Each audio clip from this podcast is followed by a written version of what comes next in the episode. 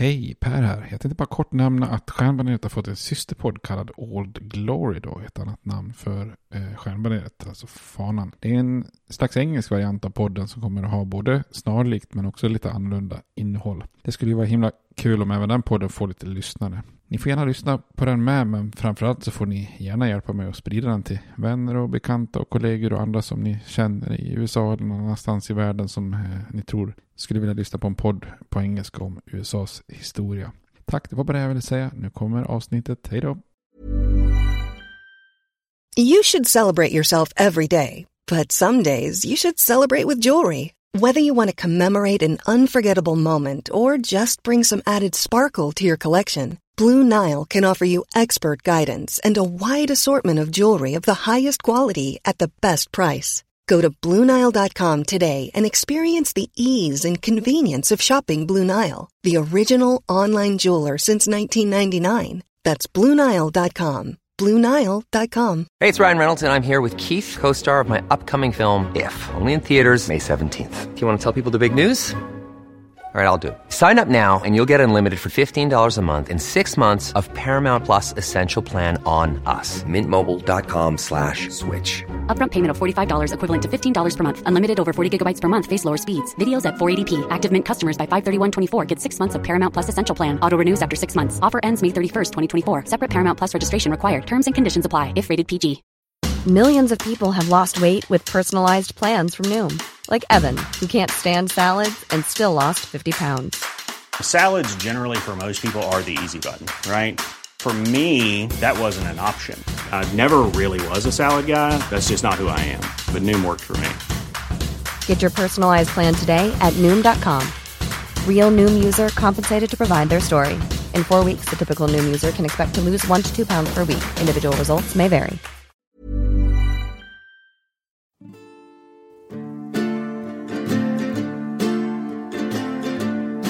We hold these truths to be self-evident, that all men are created equal, that they are endowed by their Creator with certain unalienable rights, that among these are life, liberty, and the pursuit of happiness.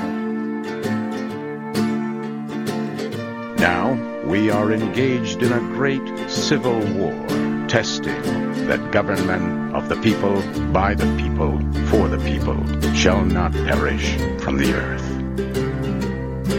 And so, my fellow Americans, ask not what your country can do for you, ask what you can do for your country. I have a dream. My four little children will one day live in a nation where they will not be judged by the color of their skin, but by the content of their character. Mr. Gorbachev, tear down this wall. I did not have sexual relations with that woman, Miss Lewinsky. Hej och välkommen till Stjärnbaneret, en podcast om USAs historia med mig Per Fjärdingby. Där jag tänker att vi helt enkelt fortsätter översiktsserien. Vi har ju kommit in på det här spännande 1960-talet här och eh, avverkar i de första åren här under Kennedy. Och eh, vi har ju pratat om både inrikespolitik och lite utrikespolitik förra gången. Vi pratade om Kennedys syn på världen, eh, den misslyckade grisbuktsinvasionen och, och uppkomsten av eh, Berlinmuren då. Idag tar vi vid där vi slutade och det blir lite mer kris igen då kopplat till Kuba och även Vietnam.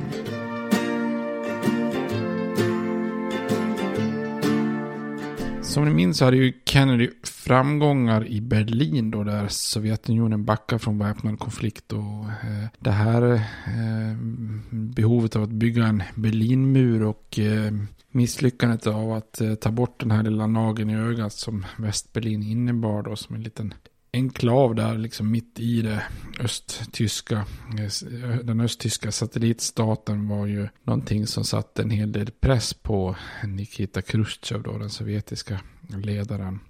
Och man kan väl säga att precis som amerikanska presidenter nästan alltid har några hökar eller förespråk, förespråkare och hårdare linjer att ta hänsyn till och, och som alltid kräver stenhårda, tuffa åtgärder i, i kalla kriget och andra konflikter så behövde ju även Chrusjtjov blidka sina kalla kriget hökar i, i Moskva. Och 1961 så eh, var Chrusjtjov lite ifrågasatt och behövde ju någon framgång. Eh, Kennedys upprustning och rymdprogram var väldigt svåra att hålla jämna steg med. Och Kennedy själv skröt med att man hade ett 16 till 1 överläge i bombflygplan och 6 till 1 överläge i interkontinentala missiler och så vidare. Då. Sovjetunionen försökte ju då kontra och rusta upp och, och, båda nationerna utförde ju så kallade atmosfäriska kärnvapenstester. Och Khrushchev han skapar ett eh, megabombprogram som utvecklade en bomb som motsvarar ungefär 3000 gånger styrkan på bomben över Hiroshima. Då. Och det var inte konstigt att världen verkligen eh, höll andan under de här åren och att många såg ett eh, kärnvapenkrig som fullt möjligt. Då. Och en plats som skulle få världen att verkligen hålla andan eh, är ju återigen då Kuba. Eh, Castro han befarar ju efter den här mm, grisbuktsinvasionen att USA eh, förr eller senare skulle återkomma på något sätt och försöka störta honom då. Och Sovjetunionen ställde gärna upp som, som polare och gick med på att eh, placera medeldistansrobotar på ön för att eh, skydda Kuba. Och för Chrusjtjov handlade det kanske antagligen mer om en bricka att förhandla med och att han antagligen eftersträvade att få, få bort amerikanska missiler från Turkiet och, och ville ha någonting att kunna Eh, förhandla i utbyte. Och De här medeldistansmissilerna som USA och via NATO och så hade kunnat placera i Turkiet kunde ju nå väldigt stora städer i västra Sovjetunionen. Då. Och att hålla kvar Castro kvar vid makten kunde ju också vara en symbol för kommunismens eh, spridning till andra länder. Då. Men framförallt att kunde man placera eh, missiler där så skulle det ju vara väldigt kort avstånd till, till USA. Då. Sommaren 1962 så började sovjetiska byggarbetare och trupper anlända till Kuba och, och Sovjetunionen försäkrade USA att inga vapen skulle kunna eh, nå USA, äh, som skulle kunna nå USA skulle placeras på ön. Men trots det så började man redan skicka vissa missiler då på väg till Kuba och trots Kennedys varningar och fördömande så, så hade ju vissa eh, ramper och missiler anlänt eh, i september 1962 och den här frågan blev ju det som helt dominerade egentligen utrikespolitiken inför mellanårsvalet i USA 1962 då där Eh, Republikanernas högersida var på frammarsch eh, och den partifalangen som ville ha en hård linje i kommunism och Kubafrågan då. Eh, och ledda av senatorn Barry Goldwater så kallade man ju demokraterna för soft on communism och Kennedy kallades för eftergiftspolitiker som ägnade sig åt som man sa do nothing politik. I oktober 1962 så kunde amerikanska U2-plan, alltså ni vet sådana här äh, rekognoseringsplan som flög på väldigt, väldigt hög höjd och fotade då. Det pratade vi om för några avsnitt sedan, den här krisen, ett sånt där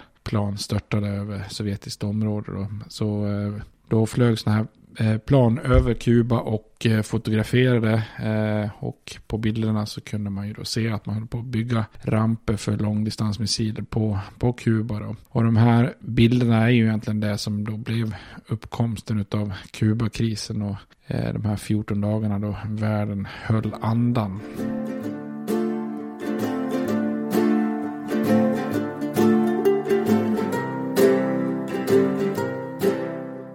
Eftersom bilderna indikerade att det inte var akut bråttom utan att de är på att bygga så, så tog Kennedy eh, tid på sig då, sex dagar, där han intensivt diskuterade situationen och, och vilka handlingsalternativ som var bäst då med sina närmaste rådgivare. Och de som är med i den här gruppen är ju såklart brorsan eh, Robert Kennedy, men också Dean Rusk då, Robert McNamara, McGeorge Bundy och Adlai Stevenson och, och, några till då. Den här gruppen blev känd som XCOM, eh, en exekutiv kommitté då för nationella säkerhetsrådet. Eh, det är väl ett sånt där historiskt ögonblick som det hade varit jäkligt spännande att, att, vara med på som en fluga på väggen och delta i och fick inblick i hur det, hur det egentligen gick till i diskussioner så att säga. Kennedys första tanke var ju att använda kraft för att få bort missilplatserna då, eller missilramperna. Alltså att mm, och militären och majoritet av rådgivarna, de är inne på samma spår. Att man ska helt enkelt flygbomba platsen för att få bort det här. Men samtidigt fanns det en ganska stark och, och inflytelserik minoritet då med, med Robert Kennedy och Rusk och McNamara som istället förespråkade en blockad som ett slags alternativ då. Och ju mer man funderade där under de här eh, dagarna så föreföll det här först första alternativet allt sämre då. Ett flyganfall skulle säkert inte lyckas få bort alla platser med ramper om man nu ens kände till alla platserna för det första då. Och man riskerar ju också att flygbombningarna skulle behöva följas upp med en invasion då. Eh, och man börjar också fundera på hur ett anfall mot Kuba skulle påverka opinionen i världen då. Speciellt bland europeiska allierade och, och de latinamerikanska länderna som inte hade varit så där jättehappy över, över den här grisbuktsinvasionen tidigare. Och, och det var ju eh, också en, en, en, en mycket mer mindre händelse i, sett till att man hade flygbombat och invaderat eh, Kuba. Eh, så till slut så finner man ju då att någon slags blockad är det bästa alternativet. Det skulle ge Sovjetunionen och Khrushchev möjligheten att kunna backa utan att svara med militära medel. Då. Eh, men eftersom en blockad förutsätter en militär konflikt då enligt internationell rätt så, så valde Kennedy istället att använda ordet karantän helt enkelt. Kuba försattes i karantän i teorin då, eller officiellt, men i, det var ju en blockad i, i praktiken. Då. Samtidigt som man sätter Kuba i en karantän så eh, försattes också USA i, i krigsförberedelser då. Missiloperatörer stod beredda, B-52 bombplan laddades med kärnvapen. Eh, Atlantflottan på över 180 skepp styrde kosan mot Karibien då. Den största invasionsstyrkan som någonsin samlats på amerikansk mark eh, samlas i Florida runt 250 000 man då. Och de allierade inom NATO fick information och kongressledamöterna fick stanna kvar i Washington och så vidare. Eh, flottbasen på Guantanamo eh, på Kuba gjordes redo att evakueras. Så ja, man kan helt enkelt säga att USA står standby för, för ett krig då, eller för en konflikt. Kennedy höll den 22 oktober ett tal till nationen men det är ju snarare kanske riktat ut i världen då där han bland annat visade foton på de här missilramperna och han förklarade att Kuba var satt i karantän och att han var beredd att försvara västvärlden och dess allierade med, med kärnvapen om han var tvungen då. Och därefter så uppmanade han Khrushchev att sluta med provokationerna och avsluta krisen genom att backa och, och rädda världen från en säker undergång genom att dra tillbaka de här missilerna. Och det var ett ganska smart tal på många sätt och vis som gjorde det, liksom får det hela att beskrivas som att det är ett hot mot USA, inte bara mot USA utan ett hot mot hela, hela världen då. Den beskriver USA som en slags beskyddare och Sovjetunionen som en slags eh, aggressiv då, eh, del i det hela. Och en väldigt stor del av världen ställde sig också bakom Kennedy då med uppbackning från FN och NATO och de flesta latinamerikanska länderna då. Sovjetunionen de svarar ju med att kalla den här så kallade karantänen för inget annat än en pirathandling som var helt illegitim då enligt internationell rätt. Eh, istället anklagade ju eh, Khrushchev Kennedy för att föra världen eh, mot randen av ett kärnvapenkris då, och avgrunden då. Den springande punkten i den här krisen är ju också att 25 sovjetiska skepp som fraktar missiler var på väg över Atlanten mot Kuba då, skyddade av ett antal ubåtar som antogs bära då kärnvapenmissiler. Eh, och eh, Khrushchev lät ju då meddela USA att om amerikanska skepp stoppade de här sovjetiska skeppen så skulle ubåtarna sänka dem då. Han låter ju faktiskt meddelandet gå via William Knox då, ordförande i Westinghouse Electric som befinner sig då, alltså ett företag som befinner sig på affärsresa i Moskva då, så att han låter den här affärsmannen få föra fram budskapet då. Det mest dramatiska ögonblicket inträffar ju då den 23 oktober då två sovjetiska skepp och en ubåt då som befinner sig längst fram i den här konvojen då närmar sig gränsen för den här karantänszonen då. Eh, och här kan man väl säga att det är ett ögonblick där hela världen höll andan då. Men eh, de här båtarna stannade ju plötsligt upp då och efter en nervös stund så ändrade de sen kurs och styrde bort från Kuba då. Och Dean, Dean Rusk han beskrev det här ögonblicket med de här bevingade orden We were eyeball to eyeball and I think the other fellow just blinked. Så att det är ju ett, eh, ett spänt ögonblick då. Eh, Khrushchev hade ju länge trott att Kennedy inte skulle ha tillräckligt med, med ryggrad för att stå på sig oavsett om det skulle leda till kärnvapenskrig. Men hans eh, underrättelsetjänst rapporterade att amerikanerna stod, stod fast då.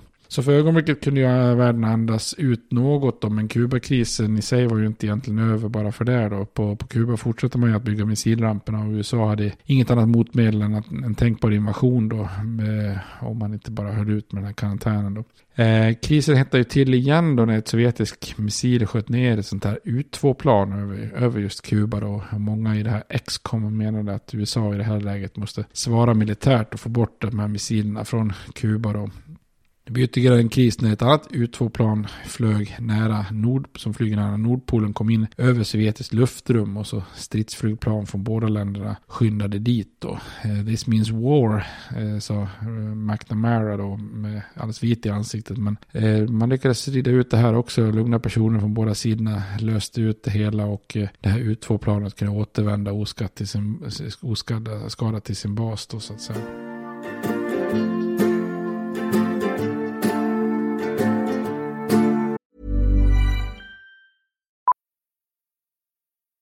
Millions of people have lost weight with personalized plans from Noom. Like Evan, who can't stand salads and still lost 50 pounds. Salads generally for most people are the easy button, right? For me, that wasn't an option. I never really was a salad guy. That's just not who I am. But Noom worked for me. Get your personalized plan today at Noom.com. Real Noom user compensated to provide their story. In four weeks, the typical Noom user can expect to lose one to two pounds per week. Individual results may vary. Hiring for your small business? If you're not looking for professionals on LinkedIn, you're looking in the wrong place. That's like looking for your car keys in a fish tank. LinkedIn helps you hire professionals you can't find anywhere else, even those who aren't actively searching for a new job but might be open to the perfect role. In a given month, over 70% of LinkedIn users don't even visit other leading job sites. So start looking in the right place. With LinkedIn, you can hire professionals like a professional. Post your free job on linkedin.com slash people today.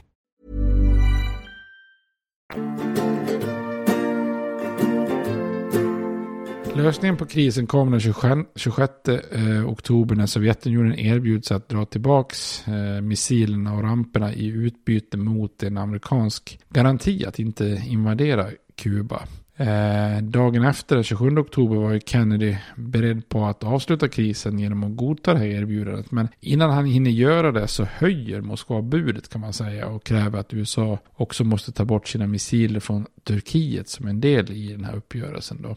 Kennedy han var ju riktigt arg här. Han kände sig provocerad och godtog inte det här erbjudandet. Och enligt honom hade Khrushchev initierat krisen genom att i hemlighet placera missilerna på Kuba och han ville ha bort dem. Eh, så officiellt så fick militären fortsätta planera en attack mot ön då. Samtidigt så började ju då presidentens bror Robert sätta en plan i verket här då. Han menar på att vi, vi testar att vi, vi helt enkelt ignorerar det här andra budet som även inkluderar de här missilerna i Turkiet och sen skiter vi i det med, och så låter vi istället meddela Moskva att, man, eh, att Kennedy godtog det första erbjudandet. Alltså att om Sovjetunionen och Kuba tog bort alla missiler från ön så skulle USA offentligt fastslå att man inte skulle invadera Kuba eller försöka störta Castro då. Eh, samtidigt så lät eh, Robert Kennedy meddela den sovjetiska ambassadören att man också kunde tänka sig att möta det andra kravet och ta bort de amerikanska missilerna i Turkiet. Men, men det enda kravet var då att Sovjetunionen inte gick ut med det här offentligt innan, innan de kommande mellanårsvalen. Så det här är liksom lite av en politisk skruv då kan man säga. Och Kennedy lät meddela att detta var USAs absolut sista erbjudande för att undvika ett kärnvapenkrig. Då. Vilket eh, egentligen var fel. Han var, han var inte villig att risk, riskera. Eh, utan det, det, här är ju ett, en hård bluff då så att säga. Kennedy var egentligen beredd att även dra tillbaka de här missilerna från Turkiet om det hade behövts för att avsluta krisen. Då. Men, men Moskva de synar aldrig den här eh, bluffen utan de accepterar den här uppgörelsen som Robert Kennedy har orkestrerat. Och 14 dagar efter att det här eh, U-planet tagit de första bilderna på missilramperna på Kuba så gick Khrushchev med på uppgörelsen och Kubakrisen var löst och världen hade varit väldigt nära ett kärnvapenkrig och den här uppgörelsen mellan supermakterna då, eh, löser ju det hela. Eh, en intressant aspekt av Kubakrisen var ju att de amerikanska, amerikanska folket var ju medveten om den och nästan följde den live på tvn då. Nyhetsbyråerna Eh, bevakar det här väldigt noga. Man visar mycket bilder och kartor på Kuba. Och vissa kartor liksom så här med karantänsgränsen utmärkt. Och, eh, och så kör man liksom små plastbåtar som ja, man lite så här klassiskt eh, war room som man tänker sig då. Program avbröts ofta för att gå ut med extra med liksom senaste nytt och, och ingen annan händelse under kalla kriget kanske bidrog så extremt mycket till att egentligen öka rädslan för ett kärnvapenkrig. Just med att man följde den här spänningen alltså, så sekund för sekund. Då. Och Kubakrisen blev ju en framgång för Kennedy. Han hade ju visat sig både tuff och konstruktiv. Och hans popularitetssiffror steg och han gratulerades av många världsledare. Då. Eh, I april 1963 så drog ju också USA i all tysthet bort missilerna från Turkiet. Då. Eh, och här kan man väl säga lite grann om man sammanfattar med kalla kriget hittills. då Att USA hade ju på något vis varit på defensiven sen eh, Sovjet lanserade den här första satelliten Sputnik. Nu kände nog många amerikaner att man på något vis återigen hade övertaget på, på sin ärkefiende igen. Då.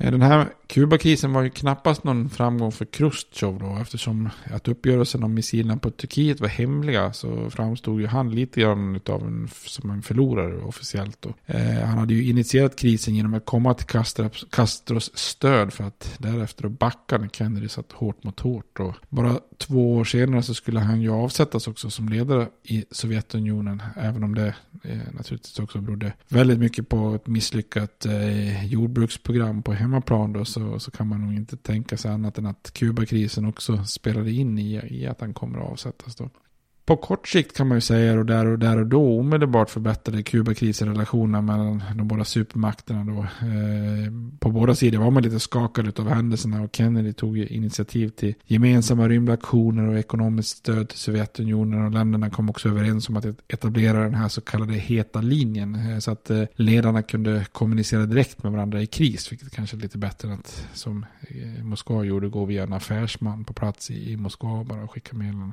En av Eh, de viktigaste följderna av eh, Kubakrisen eh, var ju också avtalet 1963 som begränsade testningen av kärnvapen och för stunden frös viss kärnvapentillverkning. Och för detta avtalet så fick ju Kennedy utstå väldigt hård kritik från den republikanska högern som ansåg det vara liksom idioti att stoppa utvecklingen av kärnvapen. Speciellt i ett tillfälle när USA tagit en liksom klar ledning i den här kapprustningen. Då. Men Kubakrisen hade ju också många bittra följder på, på lång sikt. Då. Eh, dels det jag nämnde tidigare i och med att eh, befolkningen är så medveten av, av eh, rapporteringen så, så skapar det ju en enorm rädsla för kärnvapenkrig hos gemene man. Då många som rustar, eh, bygger skyddsrum, egna privata skyddsrum och eh, med, där, de, där de bunkrar upp med, med förnödenheter ifall man skulle kunna eh, hamna i ett kärnvapenkrig. Då. Och i USA så gav ju händelsen också vatten på kvarn för just sådana här krigshökar och hårdföra politiker, alltså kalla kriget krigare som ansåg att händelsen var ett ytterligare ett bevis på att Sovjetunionen är en stat som bara lyssnar till hårda bud och ultimatum om kärnvapenskrig och så vidare. Då. Och i Sovjetunionen där var man ju medveten om USAs numerära övertag i kärnvapen. Och där svor man ju många att, liksom att vi ska vi aldrig hamna i en liknande situation igen. Där man tvingas backa med svansen mellan benen. Så efter 1962 så genomförde ju Moskva en enorm rustning och bara fem år senare hade man ju byggt upp en atomflotta som nästan matchar USA och till och med kanske nästan har passerat USA i antalet interkontinentala missiler. Så att det här med att man löser den omedelbara konflikten får ju tyvärr ganska många tråkiga effekter på, på lite längre sikt. Då, så att säga. Så på lite längre sikt så hade ju egentligen Kennedys ögonblick av triumf skapat eh, en till kapprustning och lite av en bitter framtid. Då, så att säga.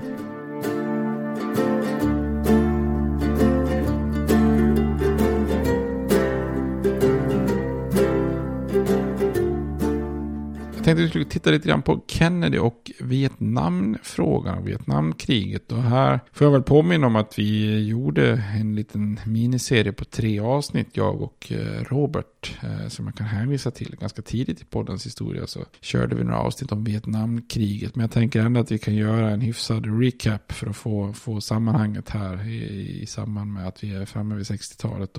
Eh, som vi pratat om lite tidigare här så hade ju USA redan tagit en hel del av de här första eh, trevande inledande stegen mot att bli involverad i Vietnam. När man, redan när man började stötta Frankrike ekonomiskt och, och gjorde förpliktelser mot till Sydvietnam då. Under sex år innan Kennedy blev president så hade USA pumpat in en miljard dollar i Sydvietnam. Eh, och under Kennedy och hans efterträdare skulle man ju dock involvera sig allt mer i Vietnam på många sätt är det ju väldigt ologiskt. Alltså Vietnam var ju inte egentligen speciellt strategiskt viktigt för USA på, på något sätt egentligen. Då. Men det är just all den här logiken från kalla krigets inledning eh, som är små, som små trådar som oundvikligen ledde fram mot Vietnam för Kennedy och hans eh, rådgivare. Då. Eh, för det första är ju Kennedy väl rädd att, så att säga inom citationstecken, förlora Vietnam på samma sätt som Truman hade förlorat Kina då, eh, enligt amerikanskt sätt att se på det hela. Eh, dessutom fanns ju den här dominoteorin som många trodde väldigt starkt på. Alltså om Sydvietnam föll till kommunismen så skulle hela Sydostasien följa därefter och sen skulle det kunna spridas vidare då. Kommunismen skulle fara fram där som dominobrickor sådär, ena staten efter den andra. Eh, föll till kommunismen då så att säga. Kennedy var ju också livrädd för att anklagas för att ge eftergifter mot kommunismen då. Kommunismen måste hindras från att spridas. Eh, och om USA drog sig ur Sydostasien och lät kommunismen ta, ta över där skulle det vara liksom en enorm prestigeförlust då. Med tiden så skulle ju Kennedy eh, mildra sin inställning lite, alltså i slutet av sitt liv. Men till en början så lät hans administration sig styras av mm, de här kalla kriget-principerna och många hade en ganska arrogant attityd till den här, alltså man tittar på den mäktiga amerikanska militären och ekonomin, att det kan ju inte vara någon som helst match för det här lilla asiatiska problemet som Vietnam utgjorde, utan det måste kunna bara lösas fort och, och enkelt. Och och så fort Kennedy kom till huset så eh, skickade han folk till Vietnam för att utvärdera situationen. Bland annat skickade han vicepresidenten Lyndon B Johnson till Sydvietnam för att försäkra den sydvietnamesiska ledaren Ngo Dien Diem att eh, den nya administrationen i Washington stod bakom honom i kampen mot kommunismen. Och eh, Diem tycks ju verkligen ha på något vis imponerat på Johnson som, som häpnadsväckande med facit i hand och kallar honom för Sydostasiens Winston Churchill. Då. Eh, hösten 61 så, så skickade Kennedy en eh, delegation av militärer och, och, några av hans rådgivare för att utvärdera situationen i Sydvietnam. Och i en rapport så menar man att USA måste fortsätta stö stödja Sydvietnam med militära medel, inte bara finansiellt stöd och rådgivare. Och den nuvarande eh, numerärt fokuserade eh, försvarsministern då, Robert McNamara, han menar ju då i juni 1962 att all statistik och siffror han hade pekat på att USA skulle kunna vinna kriget väldigt enkelt om man satte in rätt medel då. Så med alla sina rådgivares stöd bestämmer sig Kennedy för att hjälpa Diem genom att skicka först ytterligare eh, 100 militära rådgivare utöver de 800 som fanns på plats, men också 400 specialtrupper. Eh, och ett år senare så hade USA eh, ungefär 11 000 personer på plats i Sydvietnam och flygvapen som gav understöd till sydvietnamesiska trupper. Då. Och den här eskaleringen var sett i det stora hela relativt liten men när den gjordes liksom om och om igen och i allt större skala så skapar man ju ett slags eh, mönster här då. Ett av problemen för Sydvietnam och för USA var ju att även fiendesidan lyckades mobilisera. 1960 så uppskattar man att det så få som 7000 personer eh, tillhör Vietkong då, alltså den här kommunistiska grillan i Sydvietnam som egentligen kallas för National Liberation Front, NLF då. Fyra år senare hade gerillan växt till 140 000 man då. Och det amerikanska stödet matchas ju också av att Sovjetunionen och Kina gav stöd till Nordvietnam, vilken, vilka sedan då dramatiskt kan öka sitt stöd till Vietkong-grillan och via den här beryktade Ho Chi Minh-leden då, en väg i, i djungeln mellan Nord och Sydvietnam då. Och de här två kommunistiska länderna, Sovjet och Kina, de ville ju såklart att eh, det vore bra om USA blir indraget i en gegamoja i Asien som man inte kan ta sig ur då. Ett av de största problemen för Kennedy var ju dock den här Diems regim då, som var ett, vad kan man säga, ett bräckligt arv från fransk kolonialmakt då. Och trots Johnsons Churchill-liknelse så visade sig Diem vara en rätt så unken ledare som var impopulär bland stora delar av befolkningen i Sydvietnam då. Eh, sommaren 1963 höll han på att tappa greppet om landet och, och hölls liksom bara kvar via sin kontroll med, genom att ha kontroll av militären, det enda som får honom att sitta kvar då. Eh, med hjälp av militären så trakasserar han också buddhisterna i landet eftersom Diem själv är ju katolik och han ville ju liksom föra landet i en katolsk riktning då. Och när en buddhistmunk brände sig själv till döds i, i Saigon som protest mot regimen och, och andra munkar följde efter så, så, så nådde ju de här hemskheterna med Vietnamkriget tv-apparaterna i USA för första, för första men inte sista gången då med ganska kraftfulla bilder. Och, eh, för de flesta amerikanerna så blir det ganska tidigt uppenbart att det är någonting fel på den här regimen som USA stöttar i, i Sydvietnam då lösningen på det här DM-problemet kom ju när några inom militären i Sydvietnam planerade en kupp och lät de här intentionerna bli kända för USA. USA eh, Kennedy han lovade att stödja det här nya styret men klargjorde att man inte tänkte delta i, i kuppen då. Eh, den amerikanska ambassadören Henry Cabot Lodge lät CIA ge visst hemligt stöd då, men, och kuppen lyckas i alla fall och Diem avsattes då. Och när Diem och hans bror sköts under en fångtransport ska Kennedy ha sagt att den här händelsen äcklade honom. Men han var förstås insats i att det var en trolig konsekvens av att USA hade gett sitt godkännande till kuppmakarna. En fråga som diskuteras mycket är ju om Kennedy ångrade sig att USA blev indraget i Vietnam och planerade för att föra landet ut ur konflikten efter presidentvalet 1964 om han blev omvald. Eh, vissa hävdar ju att det är så då att eh, det här, eh, spoiler alert, mordet på Kennedy eh, Eh, är, är ju avgörande då för att eh, hans efterträdare Lyndon B Johnson snarare eskalerade när eh, Kennedy hade velat minska på engagemanget och dra sig ur konflikten. Då.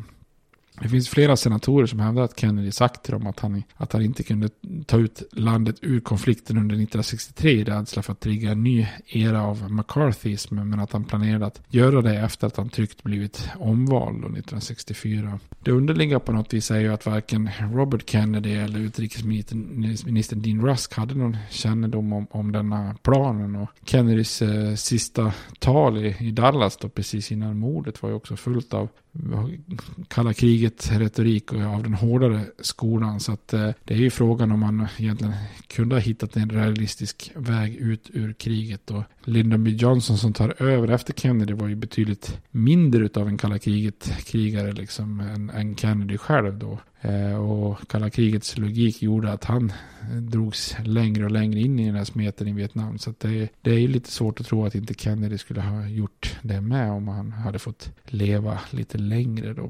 Men eh, som sagt, lite spoiler alert då. Eller det vet ni om att eh, Kennedy kommer att mördas. Men eh, jag tänker vi tittar lite grann på i nästa avsnitt hur Kennedy hanterade medborgarrättsrörelsen och lite andra frågor. Och sen så går vi in lite grann på de här förödande skotten i Dallas. Eh, där eh, Kennedy eh, mördas då. Men eh, det tar vi i nästa avsnitt. Tills dess så får ni ha det bra. Hej då! States like these and their terrorist allies constitute an axis of evil. And if the hippies and the yippies and the disruptors of the systems that Washington and Lincoln as presidents brought forth in this country will shut up and work within our free system of government, I will lower my voice.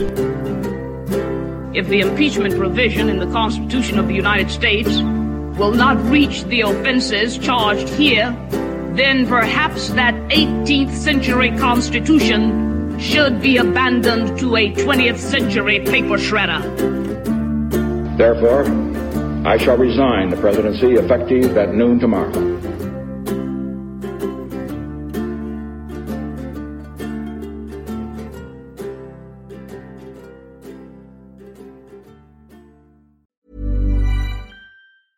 Even when we're on a budget, we still deserve nice things.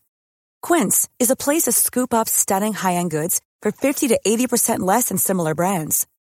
They have buttery soft cashmere sweaters starting at $50, luxurious Italian leather bags, and so much more. Plus, Quince only works with factories that use safe, ethical, and responsible manufacturing. Get the high-end goods you'll love without the high price tag with Quince. Go to quince.com/style for free shipping and 365-day returns. Planning for your next trip? Elevate your travel style with Quince. Quince has all the jet-setting essentials you'll want for your next getaway, like European linen, premium luggage options, buttery soft Italian leather bags, and so much more. And is all priced at 50 to 80% less than similar brands. Plus, Quince only works with factories that use safe and ethical manufacturing practices. Pack your bags with high-quality essentials you'll be wearing for vacations to come with Quince. Go to quince.com slash pack for free shipping and 365-day returns.